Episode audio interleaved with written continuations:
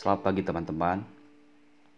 Kita ada hari ini cuma satu alasannya karena Tuhan. Dan kita bersyukur kalau hari-hari kita isi dengan apa yang menjadi kehendak Tuhan dalam hidup kita. Baik, 2 Korintus 9 ayat yang ke-6 Judul firman Allah adalah memberi dengan sukacita membawa berkat.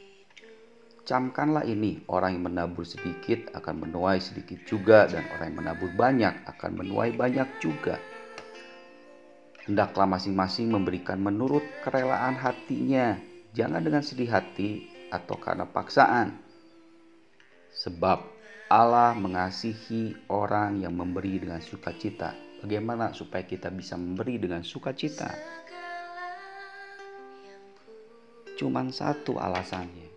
Biarlah pemberian itu lahir karena kita mengalami kebaikan Tuhan. Karena kita merasakan pemeliharaan Tuhan. Dan kita merasakan bahwa kita ada sampai hari ini bukan karena kuat dan gagah kita.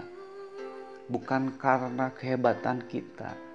Bukan karena juga hal-hal lain yang secara ukuran manusia atau dunia itu yang membuat kita ada sampai hari ini. Itu semua karena ada, karena kasih karunia Tuhan. Jadi ketika kita sadar bahwa kehidupan kita hari ini bukan karena dulu tidak ada virus corona, bukan karena dulu kita eksis dan hebat, sehingga kita ada sampai hari ini, bukan karena kasih karunia Tuhan. Arti yang lebih mendalam, karena masih ada kepentingan Tuhan dalam hidup kita.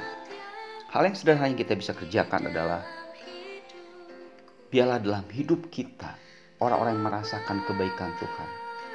Hidupnya limpah dengan kemurahan Tuhan. Maka kita mencatat 2 Korintus 9 ayat yang 11. Kamu akan diperkaya dalam segala macam kemurahan hati yang ujungnya membangkitkan syukur kepada Allah dan ayat 12 sebab pelayanan kasih yang berisi pemberian ini bukan hanya sekedar mencukupkan keperluan orang-orang kudus tetapi ini yang menarik. Ujungnya melimpahkan ucapan syukur kepada Allah. Dan Mazmur 50 ayat 23 berkata siapa yang mempersembahkan ucapan syukur sebagai korban? Tuhan hanya berkata begini orang tersebut sudah memuliakan aku. Bersyukur pasti bisa memberi. Orang yang bisa memberi pasti tidak kekurangan. Tetapi orang yang tidak bisa bersyukur, mungkin dia penuh kelimpahan karena hidupnya selalu kekurangan. Karena sikapnya yang selalu kekurangan, karena ketamakan, dia tidak bisa memberi.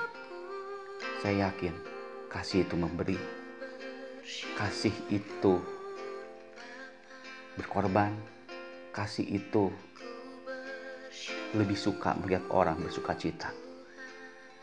Tapi kembali, seperti yang sudah saya sampaikan, ciri akhir zaman justru balikan dari kasih, egosentris. Lebih baik aku, lebih baik aku mengambil sekalipun orang terluka. Selamat pagi, diucapkan naikkan syukur pada Bapa saat ini karena itu menyenangkan hati Tuhan. Tuhan Yesus memberkati.